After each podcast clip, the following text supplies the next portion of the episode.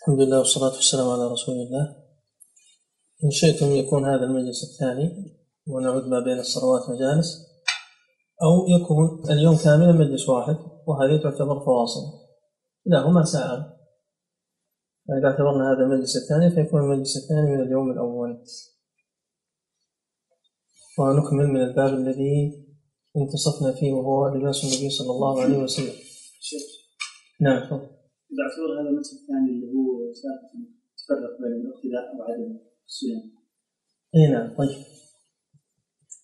آه، لا شك أن النبي صلى الله عليه وسلم إذا قال قولا فهو داخل في السنة. لأن السنة لها إطلاقات.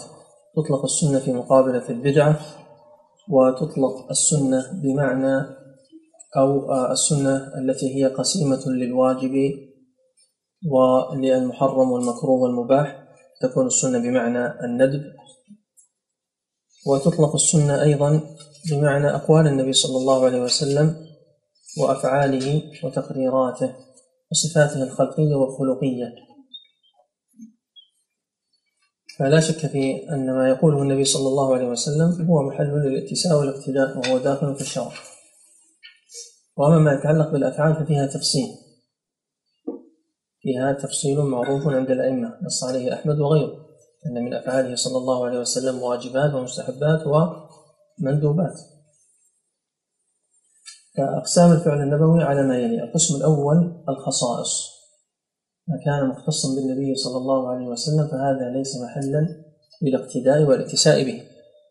كما قال تعالى خالصة لك من دون المؤمنين وكما قال صلى الله عليه وسلم إني لست مثلكم أو لست كهيئتكم على روايتين. إذن لازم نحط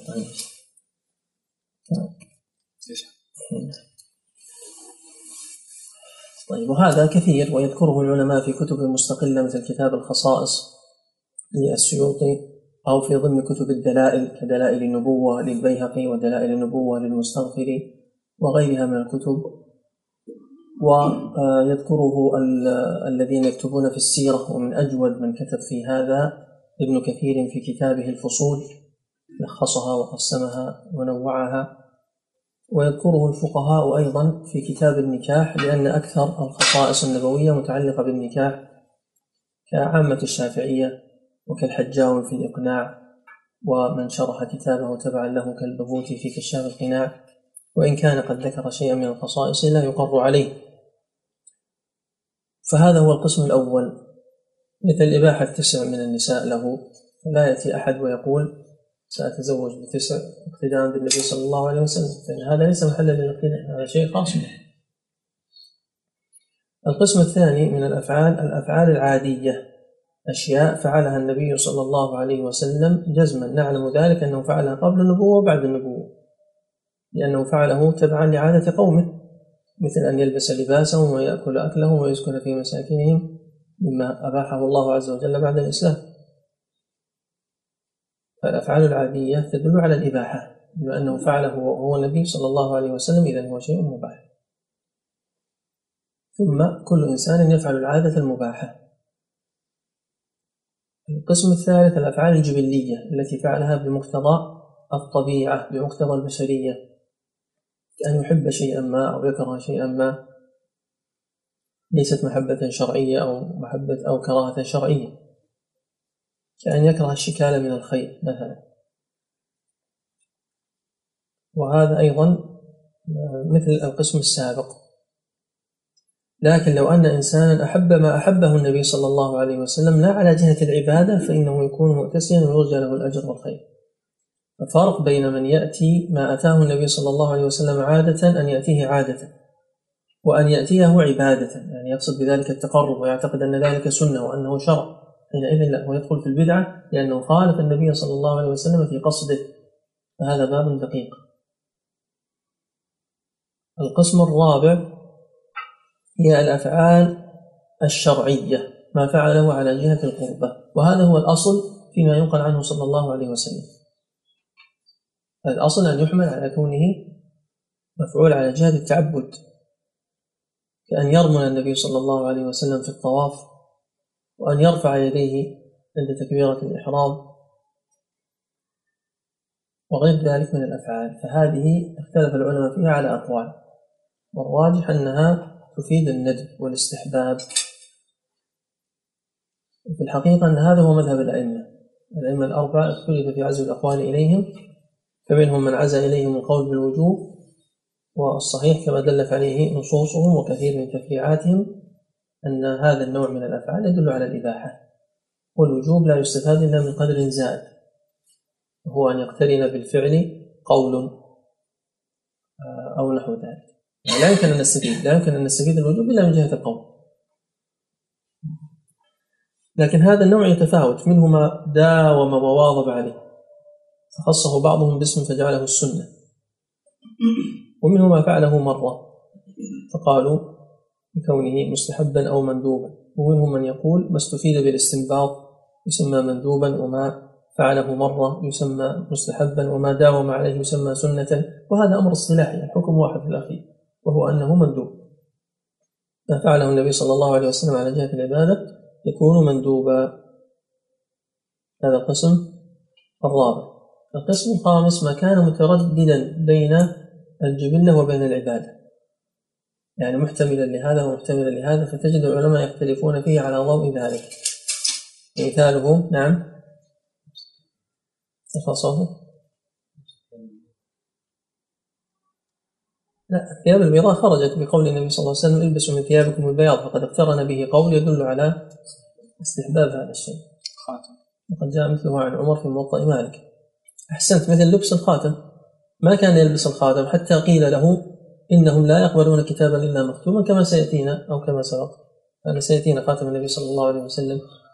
فاتخاذه للخاتم بناء على عادة قومه أن الملوك لا يقبلون الكتاب إلا مختوما فبعدها اتخذ الخاتم. فمن كان في مثل حاله فإنه هل يستحب له أن يلبس الخاتم ويتخذ الخاتم أو هو مجرد مباح؟ الظاهر الله أعلم أن اتخاذ الخاتم من المباحات. لأن هذا متردد. وكذلك اتخاذ الشعر هل إطالة الشعر سنة أو مباح؟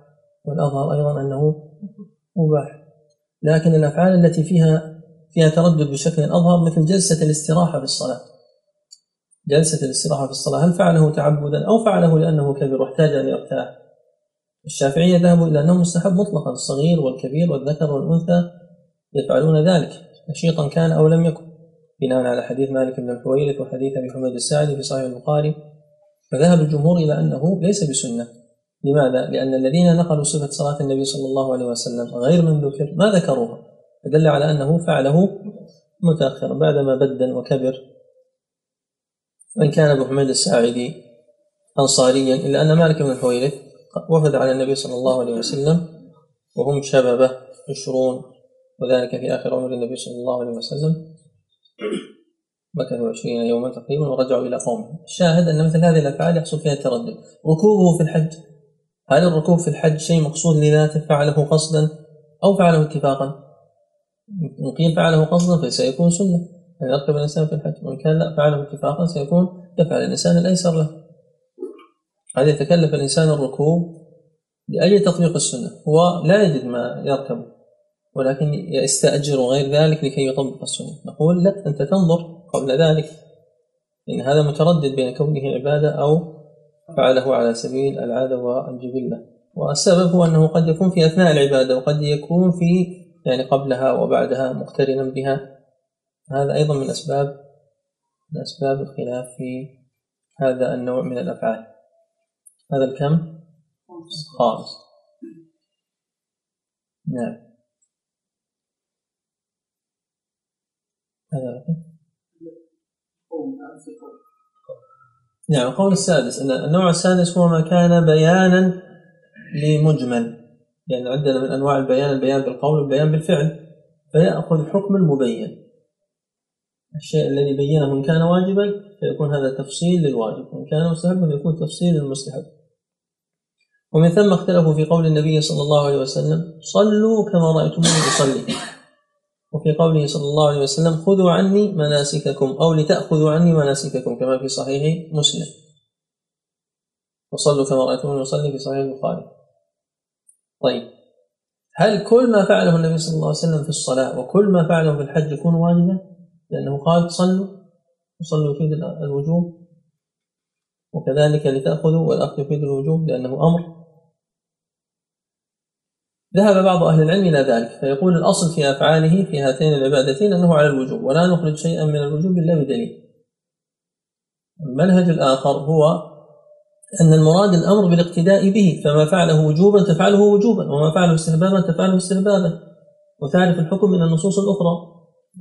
مثل حديث أبي هريرة وما جاء في معناه من قول النبي صلى الله عليه وسلم إذا قمت إلى الصلاة فكبر ثم ذكر صفة الصلاة. فما ذكر في هذا الحديث يكون ركنا بلا شك. بعد جمع الروايات والنظر فيها. وهناك قسم آخر ذكره بعض الأصوليين المهم أنهم قسموا تقسيمات كثيرة في هذا وما ذكروه مطابق لما ذكره العلماء. وهذا قد يغفل عنه بعض الناس فيقتدي بالنبي صلى الله عليه وسلم فيما ليس محلا للاقتداء مثل ما ذكرنا يدخل في باب الخطر وهو الابتداع. نعم. في أحد لديه سؤال في هذا؟ تفضل بالنسبة للخاتمة نعم. ألا يوجد الآن ما يغني عنه من التواقيع وغيرها؟ لا لا يوجد لكن يوجد ختوم الآن أيضا. القضاة يحتاجون الختوم يختمون على الصكوك وغير ذلك. وأنت لا تنظر فقط إلى مجتمعك وواقعك القريب فإن الناس من 1400 سنة على هذه الطريقة هو اتخاذ الخاتم والناس في كثير من الأمصار أيضا على هذه الطريقة. التطور الإلكتروني لم يغزو كل الكرة الأرضية كما يظن بعض الناس بل لو انتقلت من مكانك إلى قرية قريبة لوجدتهم ما زالوا على ما كنت عليه أو آباؤنا وأجدادنا. نعم. وإليك. نبدأ من الحديث الواحد والستين بسم الله الرحمن الرحيم. الحمد لله والصلاة والسلام على رسول الله وعلى آله وصحبه ومن والاه قال الإمام الترمذي رحمه الله تعالى. حدثنا سويد بن نصر قال حدثنا عبد الله بن مبارك عن سعيد بن إياس الجريري عن أبي نضلة عن أبي سعيد الخدري رضي الله عنه أنه قال كان رسول الله صلى الله عليه وسلم إذا استجد ثوبا سماه باسمه عمامة أو قميصا أو رداء ثم يقول اللهم لك الحمد كما كسوتنيه أسألك خيره وخير ما صنع له وأعوذ بك من شره وشر ما صنع له. هذا الحديث رواه المصنف هنا وفي جامعه وأبو داود والنسائي وأحمد. واختلف العلماء فيه ما بين مصحح له كالحاكم وأظن ابن حبان. وربما ابن القيم وابن الجوزي ينظر النووي هل صحح هؤلاء المهم أنه صححه جمع. صححه جمع كابن حبان والحاكم وغيرهم وفي المقابل أعله آخرون. منهم أبو داود والنسائي. قال أبو داود عبد الوهاب الثقفي لم يذكر فيه أبا سعيد. محمد بن سلمة قال عن الجريري عن أبي العلاء عن النبي صلى الله عليه وسلم. محمد بن سلمة والثقفي سماعهما واحد. إذا هذان وجهان فيهما الإرسال إما أبو نضرة مرسلا وإما أبو العلاء مرسلا. وكذلك ممن أعله بالإرسال النسائي. قال قال يحيى بن سعيد القطان قال كهمس أنكرنا الجريري أيام الطاعون. وحديث حماد أولى بالصواب من حديث عيسى وابن المبارك وبالله التوفيق. هو يشير بذلك إلى ماذا؟ إلى أن الجريري قد اختلط محمد بن سلمة وعبد الوهاب الثقفي سماعهما قبل اختلاطه وقد جعلاه مرسلا. وإن كان قد صححه ابن حبان والحاكم والنووي وابن قيم الجوزية. الحافظ بن حجر في نتائج الأفكار قال غفل ابن حبان والحاكم عن علته فصححه. وهذا ميل منه إلى ضعفه. ونقل أن النووي جزم بأنه حديث صحيح. هذا الذي كنت أريد أن أقوله النووي جزم في الأذكار بأنه حديث صحيح. وقد تعقبه ابن حجر في نتائج الأفكار. نعم عبد الله بن مبارك ممن سمع من الجريري بعد الاختلاط سمعه منه بعد الاختلاط نعم حدثنا هشام بن يونس الكوفي قال حدثنا القاسم بن مالك المزني عن الجريري عن أبي نضرة عن أبي سعيد الخدري رضي الله عنه عن النبي صلى الله عليه وسلم نحوه. نعم فيما يتعلق بأحاديث المختلطين الخلاصة فيها على ما يأتي. أحاديث المختلطين ما المراد بالاختلاط؟ الاختلاط هو تغير العقل. تغير العقل. وضعف الفهم والتمييز. فإذا وصل إلى درجة كبيرة فإنه يكون رديف للجنون. ويطلق أحيانا المحدثون الاختلاط ليس بهذا المعنى المتعارف عليه وإنما بمعنى الخطأ. خلط في حديث كذا ليس بمعنى أنه اختلط عقله وإنما أخطأ في هذا الحديث بعينه. والاختلاط على قسمين القسم الأول أن يكون الاختلاط من الضعفاء فهذا يزيده ضعفا. مثل نجيح أبو معشر فكونه اختلط وهو ضعيف هذا يزيده ضعفا. القسم الثاني اختلاط الثقات أن يعني يكون ثقة ويختلط وهذا على قسمين. القسم الأول أن يكون اختلاطا يسيرا هذا الاختلاط اليسير لا يؤثر في حفظه. أنا أظن والله أعلم أن التفصيل السابق في الجريري مبني على كون اختلاطه شديدا. فإذا قيل وهو قول آخر في الجريري أن اختلاطه كان يسيرا فلا يؤثر كونه قبل السماع. كون من سمع منه سمع قبل الاختلاط أو بعده. والاختلاط اليسير هو التغير الذي يحصل لعامة الناس بسبب الكبر. وضعف الحفظ وضعف القوى. فالقوة تضعف كما فقوة الحفظ وقوة العقل تضعف كما تضعف سائر القوى. ومن هذا القبيل جمع وصفوا بالاختلاط واختلاط غير مؤثر كبإسحاق السبيعي وسفيان بن عيينة وغيرهم. القسم الثاني أن يكون الاختلاط شديدا مؤثرا. يتغير معه الضبط والحفظ مثل عطاء بن السائب وسعيد بن أبي عروبة. فهؤلاء حديثهم على ثلاثة أقسام. الثقات الذين اختلطوا اختلاطا شديدا حديثهم على ثلاثة أقسام. القسم الأول من لم يؤثر اختلاطه على حديثه.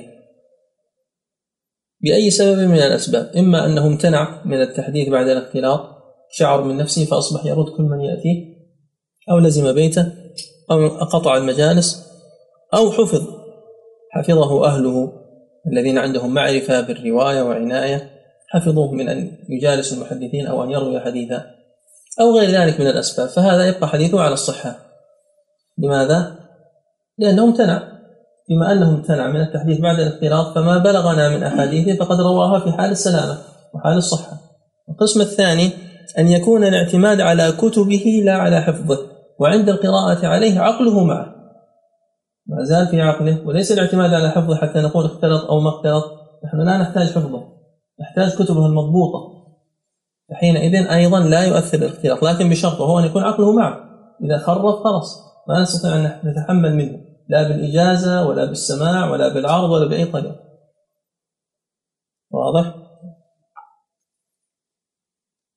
طيب القسم الثاني لعل الإخوان يساعدونا في التمثيل إذا كانوا يذكرون شيئا. مثل عبد الرزاق أحسنت. مثل عبد الرزاق بن همام الصنعاني بالنسبة للدبري وليس مطلقا لأن الدبري يروي من كتب عبد الرزاق عنه كما نص على ذلك الذهبي في السير وغيرهم ووثقه الدار قطني في سؤالات الحاكم. المهم ننتقل إلى القسم الثالث وهو من لم يكن من القسمين السابقين. استمر يحدث بعد التخليط وتحديثه من حفظه وليس من كتبه وهو من الثقات فما حكمه حينئذ؟ نقول هذا فيه تفصيل. فيه تفصيل. التفصيل مبني على طلابه وعلى سبر رواياته. فما حدث به في حال الصحة قبل وما حدث به في حال الاختلاط أو أشكل يعني أبهم علينا هل هو في الصحة أو في الاختلاط رد. واضح؟ إلا استثناء مما رد إلا إذا روى شيئا يوافق ما كان قبل الاختلاط أو يوافق أحاديث غيره ممن لم يختلط فيقبل. يعني هو بعد ما اختلط روى أحاديث لكن سليمة. مثلا عندما قال يحيى بن معين لوكيع كيف تحدث عن سعيد وإنما سمعت منه بعدما اختلط قال هل حدثت عنه إلا بحديث مستو كما رواه الخطيب في الكفاية هذا يدل على ماذا؟ سعيد بن أبي عروبة ممن اختلط ووكيع روى عنه بعد الاختلاط يعني تحمل منه بعد الاختلاط ومع ذلك روى عنه يحيى بن معين أنكر كيف تروي عنه؟ قال ما رويت عنه إلا حديث مستوي حديث مستقيم. وما رواه بعد اختلاطه مما لم يتأثر بسبب الاختلاط بسبب كونه. رواه على الوجه الذي كان يرويه قبل أن يختلط أو رواه موافقا لثقات الآخرين. طيب يمشى مثل هذا. واضح؟ فالذي يشكل حاله أو الذي يتبين أنه روى بعد الاختلاط يرد. بن السائب الرواة عنه على خمسة أقسام. من روى عنه قبل الاختلاط فقط مثل سفيان الثوري والأعمش ومثل زائدة بن قدامة وجرير وجماعة وهشيم. ومن روى عنه بعد الاختلاط فقط والقسم الثالث من اختلف فيه هل هو قبل أو بعد والقسم الرابع من روى عنه قبل وبعد مثل حماد بن سلمة. والقسم الخامس من جهلت حاله ما ندري هل هو ممن روى عنه قبل أو ممن روى عنه بعد كأبي يوسف نكمل. حدثنا محمد بن بشار قال حدثنا معاذ بن هشام قال حدثني أبي عن قتادة عن أنس بن مالك رضي الله عنه أنه قال كان أحب ثياب إلى النبي صلى الله عليه وسلم يلبسه الحبرة هذا حديث متفق عليه. والحبرة برود من اليمن. تكون مخططة بخطوط ملونة إما حمراء أو خضراء أو زرقاء لأن التحبير هو التزيين. نعم. حدثنا محمود بن غيلان قال حدثنا عبد الرزاق قال حدثنا سبق معنا عفوا سبق معنا عليه ثوب قطري. قطري نعم نسبة إلى قطر. قطر من جهة البحرين وكانت معروفة عندهم بذلك وترد إليها البرود والثياب. ومنهم من قال نسبة إلى بعض البرود اليمنية والأول أشهر. نعم. حدثنا محمود بن غيلان قال حدثنا عبد الرزاق قال حدثنا سفيان عن عون بن أبي جحيفة عن أبيه أنه قال رأيت النبي صلى الله عليه وسلم وعليه حلة حمراء كأني أنظر إلى بريق ساقيه. قال سفيان نراه حبرة. وفي نسخة أراها حبرة. وهذا حديث صحيح رواه البخاري ومسلم. من حديث أبي جحيفة واسمه أحسنت وهب بن عبد الله السوائي رضي الله عنه من أصحاب علي. طيب. الأحمر مثل ما ذكرنا في المجلس السابق فيه خلاف على أقوال كثيرة. من أراد التوسع فيها فليراجع الشروح. ذكرها ابن العربي ومن نقل عنه مثل السفاريني في كشف اللثام وغيره. فمن الأقوال في ذلك أن أن لبس الأحمر محرم مطلقا أو أنه مباح مطلقا. الذي قال مباح مطلقا حمل أحاديث النهي على على إيش؟ لا المصبوغ بالأحمر وهو المزعفر. أما اللون ذاته إن لم يكن أصله من الزعفران فإنه يكون مباحا القول الثالث أن هذا على الكراهة والقول الرابع أن هذا إذا كان خالصا قانيا هذا الذي يميل إليه ابن القيم زاد المعاش. أن المحرم من الأحمر هو ما كان خالصا ليس معه لون آخر. أما إذا كان معه لون آخر فيكون مباح. والذين قالوا بالإباحة دليلهم هذا الحديث عليه حلة حمراء وهو صحيح. الذين قالوا بالجمع قالوا إن هذا فعل وذاك نهي فيصرف النهي من التحريم إلى الكراهة. جمع بين الفعل والفضل نعم. يعني قول ابن القيم قول. قول ابن القيم قول. كان بعض مشايخنا يذهب إلى الإباحة مطلقا نعم.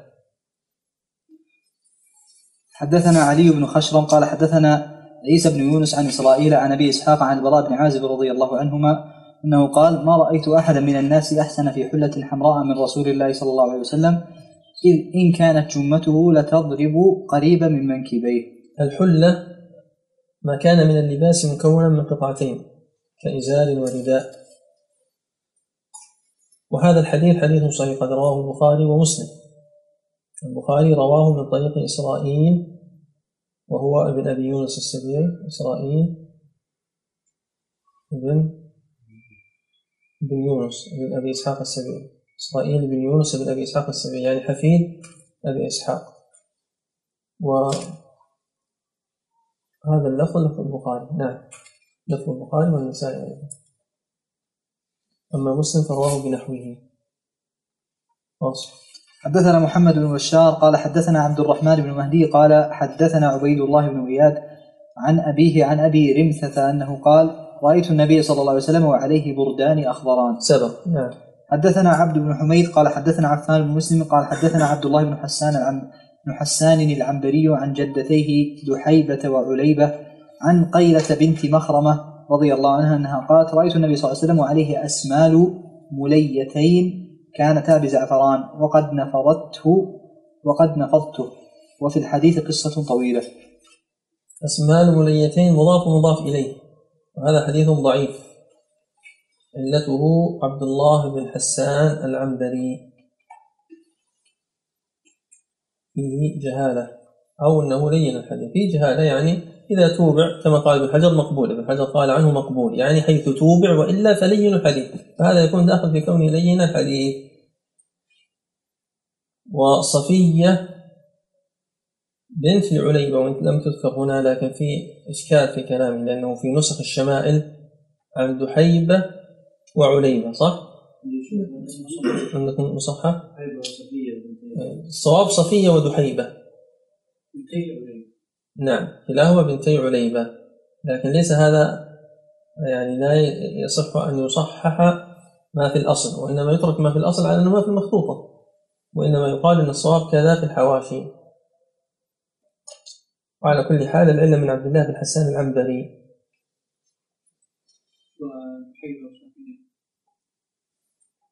الحيض وصفية يعني وإن كان فيهما جهالة فيهما جهالة نعم هذا يدخل في التعليل أيضا. حيث رواه أبو داود ورواه المصنف هنا وفي جامع. وقد حسن إسناده ابن حجر في الفتح. معنى أسمال جمع سمل وهو الخلق من الثياب. الخلق يعني الذي تقادم من الثياب. ومليتين تصغير ملاءة. مثنى المصغر. المفرد ملية. والتثنية مليتان ومليتين. يعني المقصود بذلك الإزار. الفرق بين القميص والثوب أن الثوب قطعة القماش فيدخل فيه محبته للحبارة كما سبق. وإذا فصل وأصبح ما نسميه الآن ثوبا يسمونه هم قميصا. واضح؟ فهذه ملية يعني ملاءة كما يقال أبو نعيم الملائي نسبة إلى هذه أو ملاية هي هي. نفضته نفضته كان فيه زعفران ونفضت الزعفران عنه.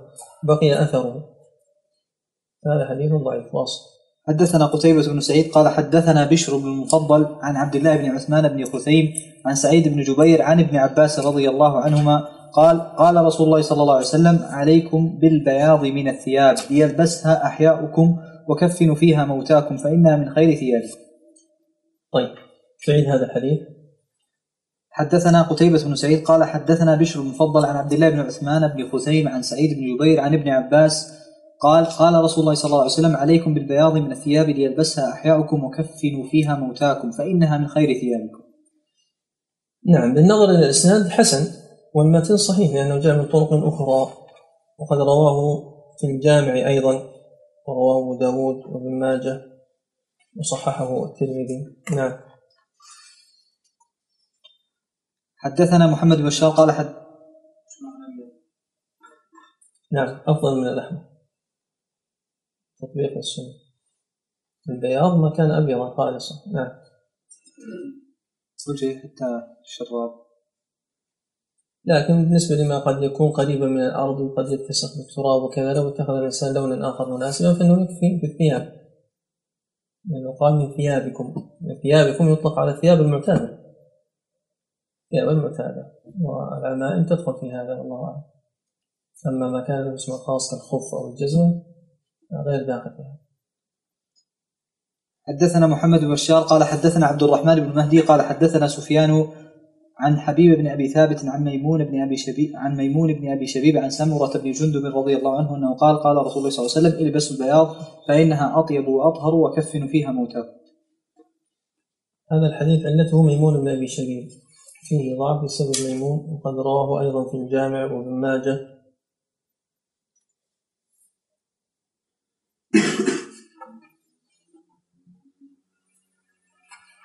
نعم. المتن.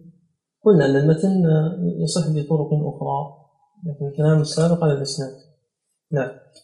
حدثنا أحمد بن المنيع قال حدثنا يحيى بن زكريا بن أبي زايدة قال حدثني أبي عن مصعب بن عن مصعب بن أبي عن مصعب بن شيبة عن صفية بنت شيبة عن عائشة رضي الله عنها قالت خرج رسول الله صلى الله عليه وسلم ذات غداه وعليه مرط من شعر أسود. نعم هذا الحديث رواه مسلم ولكن الشيخ عبد الله السعد قال مصعب بن شيبة لا يحتج به والمرط هو الكساء والمرحل يعني عليه صورة رحال الإبل. نعم. دل ذلك على ماذا؟ على أن الصورة التي لا تظهر فيها الملامح جائزة في الملابس وفي غيرها. حدود الصورة وليس تفاصيل الصورة لأن النبي صلى الله عليه وسلم قال إنما الصورة الوجه. ولا يجوز أن يكون في الملابس أو في غيرها مما لا يمتهن. صورة فيها تفاصيل للعينين والأنف ونحو ذلك. لكن إذا كان حدود الصورة فقط لا مانع بدليل هذا الحديث ونحوه. نعم. عندكم مرحب في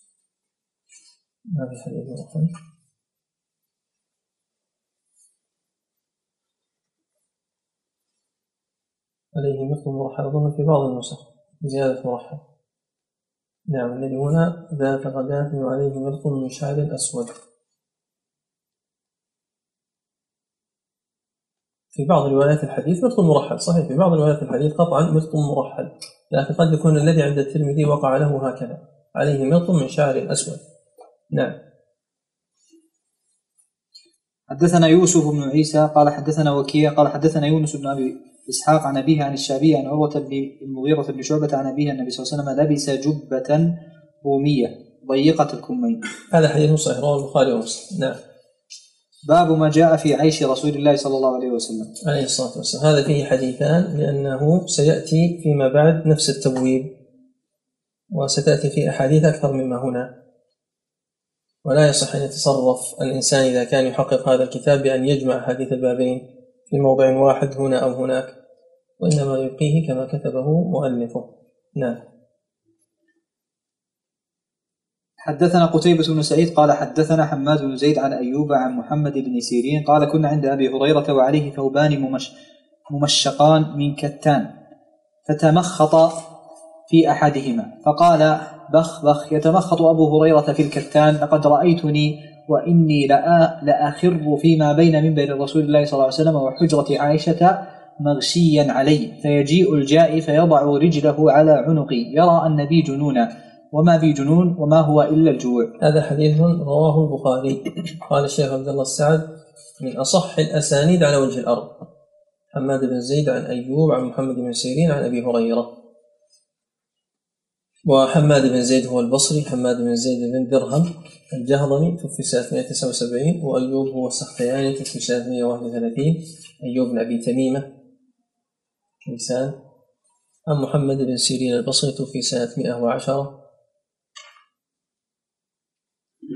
ومعنى ممشقان من المشق وهو نوع من الأصباغ يعني مصبوغ بنوع من الأصباغ يقال له المشق. بخ بخ هذه كلمة تقال عند التعجب أو التعظيم للشيء. ولقد رأيتني وإني لأخر أي أسقط مغشيا عليه بسبب إيش؟ الجوع. قالوا ما هو إلا الجوع. نعم. حدثنا قتيبة قال حدثنا جعفر بن سليمان الضبعي عن مالك بن دينار قال ما شبع رسول الله صلى الله عليه وسلم من خبز قط ولا من لحم إلا على ضفف. قال مالك سألت رجلا من أهل البادية ما الضفف فقال أن يتناول مع الناس. هذا حديث ضعيف علته الإرسال لأن مالك بن دينار من التابعين وليس من الصحابة فهو حديث مرسل. وأيضا من جهة أخرى من حيث المتن الضفف يعني الضيف. وسيأتي هذا الحديث في موضع آخر أنه ما شبع في يوم واحد مرتين غدا وعشاء من هذا الذي ذكر هنا. إلا على ضفف يعني أن يكون هناك ضيوف مثل عام الوفود ونحو ذلك فحينئذ يأكل مع الضيوف. إذا نزل به الأضياف أكل. ما شبع من خبز قط ولا لحم إلا على ضفف يعني أنه كان لقلة معيشتهم وقلة ما يتيسر لهم من الطعام يأكلون ما حضر ولو لم يشبع. نعم. باب ما جاء في خف رسول الله صلى الله عليه وسلم. عليه الصلاة والسلام. وهذا الباب فيه حديثان. نعم. حدثنا حناد بن السري قال حدثنا وكيع عن دلهم بن صالح عن حجير بن عبد الله عن أبي بريدة عن أبيه أن أن النجاشي رضي الله عنه أهدى لرسول أهدى للنبي صلى الله عليه وسلم خفين أسودين ساذجين فلبسهما ثم توضأ ومسح عليهما. هذا حديث ضعيف. علته دلهم بن صالح ضعيف. وحجير بن عبد الله الكندي مختلف فيه. جهله ابن عدي والذهبي وقال ابن حجر مقبول يعني حيث توبع وإلا فلين الحديث. فبالنظر إلى إسناده هو ضعيف لكن له طريق آخر بالنظر إلى متنه جاء من طريق آخر من طريق يحيى بن كثير عن الجريري عن عبد الله بن بريدة عن أبيه. وهذا متردد فيه بحسب من هو يحيى بن كثير إن كان يحيى بن كثير أبو نضر أبو النضر صاحب البصري فهو ضعيف. كما قال الألباني قال يحيى هذا إن كان العنبري فهو ثقة وإن كان صاحب البصري فهو ضعيف. نعم. هذا بالنظر لماذا؟ للمتن الذي ورد من طريق آخر عند أهل الشيء واصل. ما معنى ساذجين؟ ها؟ سادة. كما نقول نحن سادة يعني لا يخالطهما لون آخر كما في القاموس من فيروز بادي لا الفصيح ساذج وهذا تعجيم للكلمة مثل ما كانت عربية. الحاشية في نعم.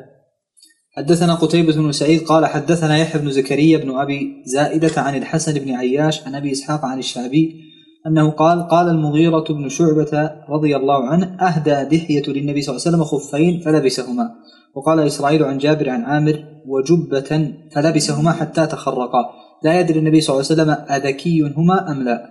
قال أبو عيسى وأبو إسحاق وأبو إسحاق هذا هو أبو إسحاق الشيباني واسمه سليمان. الحديث الأول صحيح أن النبي صلى الله عليه وسلم أهدى له دحية خفين فلبسهما. رواه الترمذي هنا وفي جامعه وأما الإسناد الثاني فهو ضعيف لأن جابر هذا هو جابر بن يزيد الجعفي وهو متروك شديد الضعف.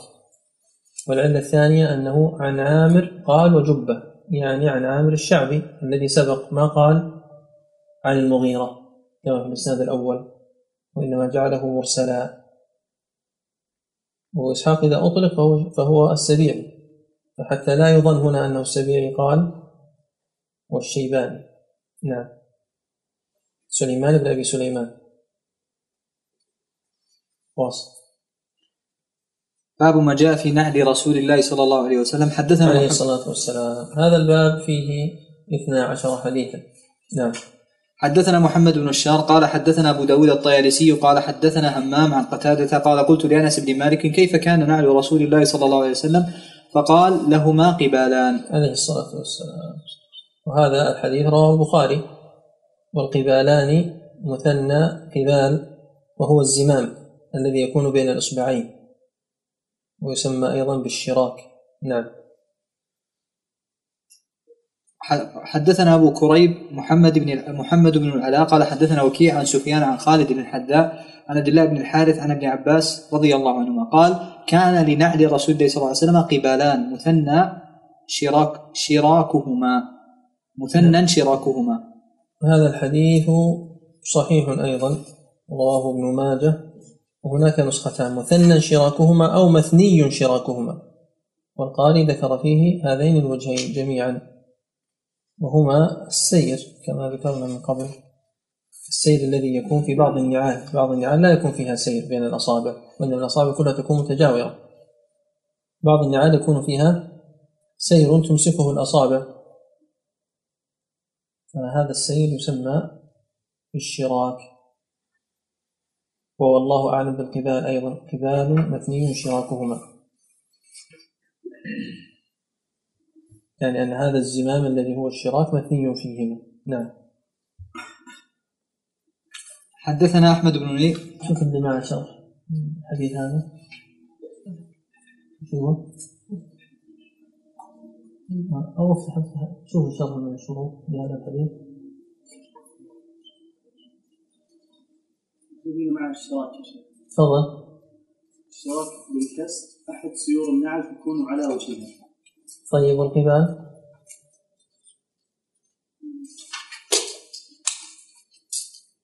قبال النعل قال في القاموس ككتاب. زمام أي سير من جلد بين الأصبع الوسطى والتي تليه. يعني القبال الشراك. هذا كذا.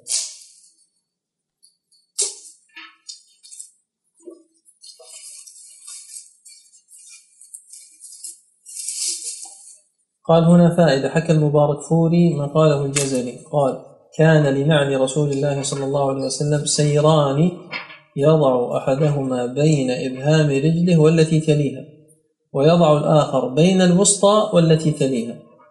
ومجمع السيرين الذي على وجه قدمه صلى الله عليه وسلم هو الشراكان. أو هو الشراك. شنو؟ شرفهما ضم الميم الميم روايتان. أي كان شرف النبي صلى الله عليه وسلم مجعولا اثنين من السيوف. ويصلح جعل المثنى صفة وشراكهما نائب الفاعل ويصح جعل المثنى خبر مقدما وشراكهما مبتدأ مؤخرا قال زيد العراقي وهذا الحديث إسناد القبال ماذا على كذا؟ وهو الزمام والسيف الذي يعقد فيه الشيء الذي يكون من اصبع الرجل. ويساعد راحة الإنسان في المشي في الاعتقاد. طيب الشراك هذا قبال الشراك الشراك هو أحد السيور المالية التي تكون على وجهها. والمعنى أن النبي صلى الله عليه وسلم كان لها زمام قد جعل فيه السيران أو سياران سير سير السيران هذا المكتوب طيب نكمل. بارك الله فيك. على كل حال هو حديث صحيح. نعم. حدثنا أحمد بن بن منيع ويعقوب بن إبراهيم. قال حدثنا أبو أحمد الزبيري. قال حدثنا عيسى بن طهمان. قال أخرج إلينا أنس بن مالك النعلين جرداوين لهما قبالان. قال فحدثني ثابت بعد عن أنس أنهما كانتان على نعلي النبي صلى الله عليه وسلم. عليه الصلاة والسلام. وجرداوين يعني ليس فيهما شعر مدبوغين وهذا بمعنى ما قاله ابن عمر أن النبي صلى الله عليه وسلم كان يلبس النعال السبتية. وأحمد بن منيع هو البغوي ويعقوب بن إبراهيم هو الدورقي. وهذا حديث رواه البخاري. نعم. حدثنا إسحاق بن موسى الأنصاري قال حدثنا معن قال حدثنا مالك قال حدثنا سعيد بن أبي ابن أبي سعيد المقبوري عن عبيد بن جريج أنه قال لابن عمر رضي الله عنهما رأيتك تلبس النعال الستية. قال إني رأيت رسول الله صلى الله عليه وسلم يلبس النعال التي ليس فيها شعر ويتوضأ فيها فأنا أحب أن ألبسها. وهذا حديث متفق عليه. نعم. حدثنا إسحاق بن منصور قال حدثنا عبد الرزاق عن معمر عن ابن أبي ذئب عن صالح المولى التوأمة عن أبي هريرة رضي الله عنه قال كان لنعل رسول الله صلى الله عليه وسلم قبالان. نعم وهذا من جنس ما سبق لكن الإسناد فيه ضعف لأجل صالح مولى التوأمة. ف... نعم صالح مولى التوأمة. التوأمة لماذا سميت بهذا الاسم؟ نعم ولدت مع أختها فأعطي لأختها اسم وهي سميت بالتوأمة يعني هي توأم أختها سميت بالصفة وصالح صدوق وهو أيضا ممن اختلط. ولكن رواية ابن أبي ذئب ورواية ابن جريج عنه قبل الاختلاط. ليست مثل رواية السفيانين ومالك عنه. هؤلاء الثلاثة روايتهم بعد الاختلاط. يعني هناك شيء لابد أن نقوله وهو يعني تلاحظ محبة ابن عمر لما يحبه النبي صلى الله عليه وسلم وكذلك ما سيأتي عن أنس أنه كان يحب الدباء لمحبة النبي صلى الله عليه وسلم ذلك الإنسان إذا اتخذ شخصا قدوة له وأسوة وعظمه فإنه لا يتمالك أن لا يحب ما يحبه وأن يقلد في هذه الأمور. هذا من الأمور المباحة كما ذكرنا سابقا. لماذا؟ لأن الأفعال الجبلية والعادية تدل على الإباحة وهي داخلة في السنة بهذا المعنى لأن من أفعال النبي صلى الله عليه وسلم. لا يفهم من التصحيح السابق أنه يحرم الاتباع. نحن لا نقول بمنع الاتباع وإنما نقول ما الحكم الذي يستفاد من هذا الفعل؟ الجواب الإباحة. ما يستفاد منه السنية. نعم. حدثنا أحمد بن منيع قال حدثنا أبو أحمد قال حدثنا سفيان عن السدي قال حدثني من سمع عمرو بن حريث يقول رأيت رسول الله صلى الله عليه وسلم يصلي في نعلين مخصوفتين. آه نعم هذا فيه جهالة من سمع عمرو بن حريث فهو ضعيف لأجل الجهالة. نعم. حدثنا إسحاق. قد رواه النسائي. في سنده مبهم. رواه النسائي وأحمد. نعم. حدثنا إسحاق بن موسى الأنصاري قال حدثنا معن قال حدثنا مالك عن أبي الزناد عن العرج عن أبي هريرة أن رسول الله صلى الله عليه وسلم قال لا يمشي أحدكم في نعل واحدة لينعلهما جميعا أو ليحفهما جميعا. هذا حديث متفق عليه. إذا لا يلبس الإنسان نعلا واحدا يمشي فيها وإنما إما أن يلبس النعلين أو يمشي حافيا. لكن جاء في النصوص أنه إذا كان أمرا يسيرا يعني حتى يصلح الشراك الأخرى فهذا جائز مستثنى. وإنما المقصود المشي المستدام الطويل. يعني يمشي من مكان إلى مكان. سبق أن إسحاق بن موسى هو الخطمي ومعا من هو؟ خطأ. قلنا قبل قليل معن بن عيسى القزاز. نعم. واصل. حدثنا قتيبة عن مالك بن أنس. انها تكون من حيث؟ نعم. نعم نعم. نعل واحدة أو خف واحدة أو جورب واحد الحكم واحد لأن العلة معقولة. وهي عدم التشبه بالشيطان. ومن أهل العلم من يقول طبعا عدم التشبه بالشيطان هذا قد صح في أحاديث أخرى ومنهم من يقول حتى يعدل بين نعم بين الرجلين ومعنى مخصوفتين يعني مخروزتان من الخصف بمعنى الخرز والخياطة. واصل. حدثنا قتيبة عن مالك بن أنس عن أبي الزناد نحوه. حدثنا إسحاق بن موسى قال حدثنا معن قال حدثنا مالك عن أبي الزبير عن جابر أن النبي صلى الله عليه وسلم نهى أن يأكل يعني الرجل بشماله أو يمشي في نعل واحدة. هذا حديث صحيح رواه مسلم. نعم. حدثنا قتيبة عن مالك حاء وحدثنا إسحاق بن موسى قال حدثنا مان عن قال حدثنا مالك عن أبي الزناد عن الأعرج عن أبي هريرة رضي الله عنه النبي صلى الله عليه وسلم قال إذا انتعل أحدكم فليبدأ باليمين وإذا نزع فليبدأ بالشمال فلتكن اليمنى أولهما تنعل وآخرهما تنزع. متفق عليه. نعم. حدثنا أبو موسى محمد بن المثنى قال حدثنا محمد بن جعفر قال حدثنا شعبة قال حدثنا أشعث وهو ابن أبي الشعثاء عن أبيه عن مسروق عن عائشة رضي الله عنها قالت كان رسول الله صلى الله عليه وسلم يحب التيمم ما استطاع في ترجله وتنعله وطهوره. وهذا سبق متفق عليه. وفي بعض روايات الصحيح كان يعجبه التيمم يعني البداء باليمين نعم. حدثنا محمد بن مرزوق أبو عبد الله. قال حدثنا وقد ذكر بعض الفقهاء أظن السيوطي في الأشباه والنظائر أو غيره الأعضاء التي لا يشرع التيمم فيها في الوضوء. نص عليها ونقلناها في المغني. والتيمم في الوضوء سنة. لو بدأ الإنسان بالشمال قبل اليمين فإن وضوءه صحيح كما صح ذلك عن علي وعن ابن مسعود فيما رواه أبو عبيد في الطهور وفي غيره أو أبو عبيد في الطهور وغيره. أظن ابن أبي شيبة أيضا. أنه ما بدأ بالشمال قبل اليمين. نعم. حتى في الطفل؟ صلى كيف يعني طبعا في تطهيره وكذا والباسه ملابسه يبدأ باليمين؟ نعم. التطهير أظن ما يتصور إلا إذا كنت تقصد الوضوء وضع الطفل يعني. يعني يوصل غسله. يبدأ بالجهة اليمنى قبل اليسرى. أي نعم يبدأ باليمين خلاص نعم. هذا داخل في التيمم في الطهور. سواء كان هذا الطهور أو الطهور بالضم لأنه الفعل متعلقا به أو متعلقا بغيره. نعم. كما يوصل الميت قال النبي صلى الله عليه وسلم ابدأنا بميامنها ومواضع الوضوء منها. متفق عليه. نعم. واصل. حدثنا محمد بن مرزوق أبو عبد الله قال حدثنا عبد الرحمن بن قيس أبو معاوية قال حدثنا هشام عن محمد بن عن محمد عن أبي هريرة قال كان لنعل رسول الله صلى الله عليه وسلم قبالان وأبي بكر وعمر وأول من عقد عقدا واحدا عثمان. هذا حديث ضعيف. عبد الرحمن بن قيس الضبي متروك. وله طريق آخر عند الطبراني في الصغير من طريق ابن أبي ذئب عن صالح مولى التوأم عن أبي هريرة. وقد يكون المتن بهذا الإسناد الثاني صحيحا. إلا إذا قيل بأن نعم صالح مولى التوأم عرفنا أنه مختلط إذا كانت رواية ابن أبي ذئب عنه بعد الاختلاط يكون أيضا كالسابق لا يتقوى به. من هو محمد الراوي عن أبي هريرة؟ ابن سيرين أحسنت. وهشام الراوي عنه؟ لا. الدستوائي لا. من يعرف؟ هشام بن حسان القردوسي. نعم. واصل.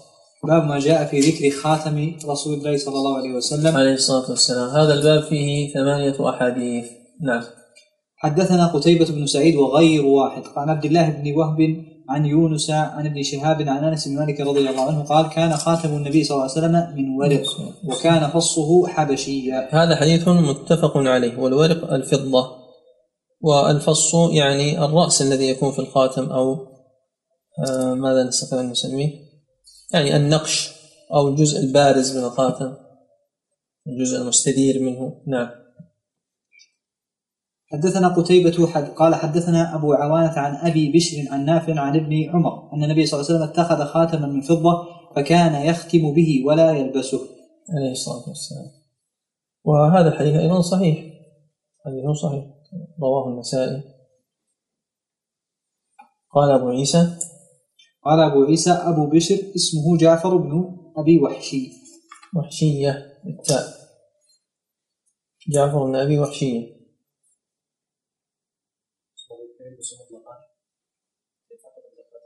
هذه رواية أنه كان لا يلبسه. في رواية أخرى أنه كان يلبسه ويجعل فصه مما يلي كفه. وستأتي الروايات في ذلك.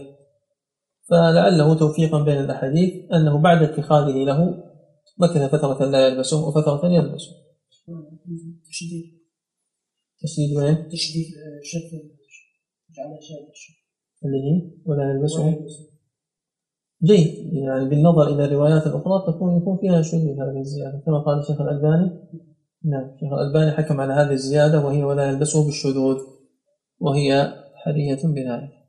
مع أنه يمكن الجمع بما ذكرنا.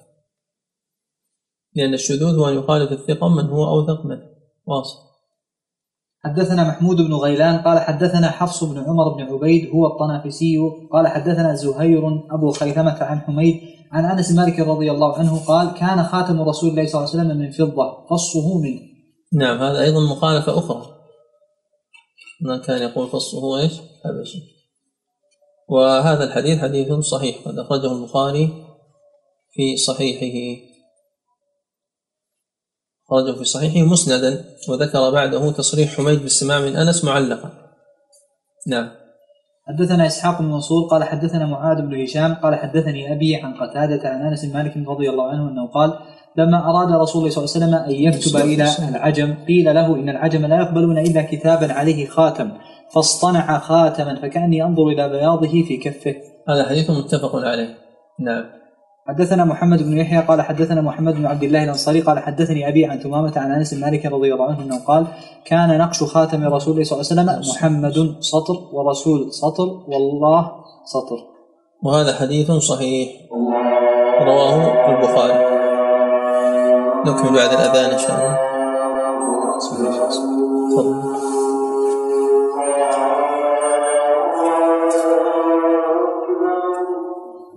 أكبر الله أكبر في أحد لديه سؤال عما سبق؟ ندخل الباب ونقف من أجل الصلاة إن شاء الله. لماذا كان نقش خاتم النبي صلى الله عليه وسلم يقرأ من الأسفل إلى الأعلى؟ محمد رسول الله. ثلاثة أسطر. يختلف أحسن. تعظيما للفظ الجلالة. يكون لفظ الجلالة هو الأعلى. وحينئذ إذا اتخذ الإنسان خاتما فإنه يشرع أن يجعله على ثلاثة أسطر. اقتداء بالنبي صلى الله عليه وسلم.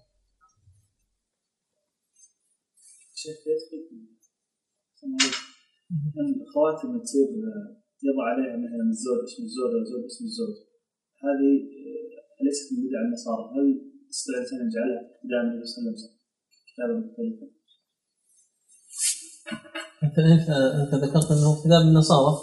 اي يعني كيف يكون يعني من من النصارى. أيوه. نعم.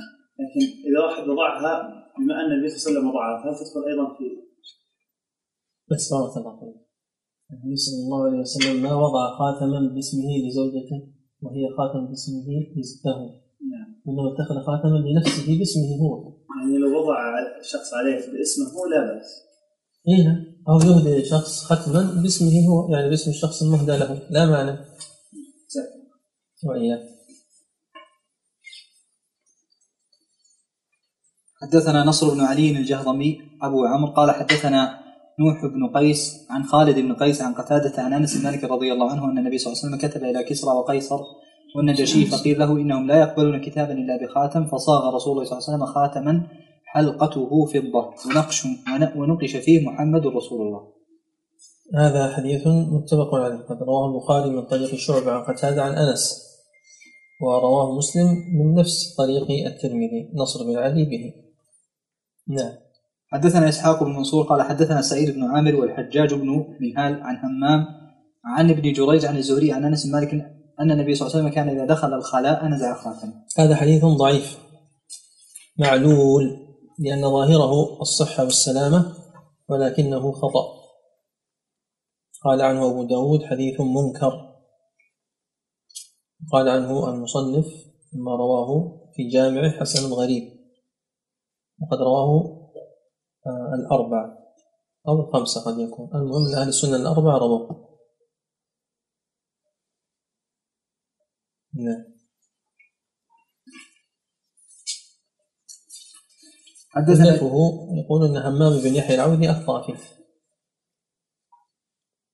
الإسناد الصحيح ليس فيه ما ذكره هنا. نعم. حدثنا إسحاق بن منصور قال حدثنا عبد الله بن نمير قال حدثنا عبيد الله بن عمر عن نافع عن ابن عمر أن قال اتخذ رسول الله صلى الله عليه وسلم خاتما من ورق فكان في يده ثم كان في يد أبي بكر وعمر ثم كان في يد عثمان حتى وقع في بئر أريس. نقشه محمد رسول الله. وهذا حديث متفق عليه. وفيه جواز أن يختم الإنسان بختم غيره إذا علم وفهم المراد. يعني إذا كان أبو بكر يختم محمد رسول الله وهو ليس بمحمد كيف سيفهم الناس أن هذا خليفة محمد رسول الله؟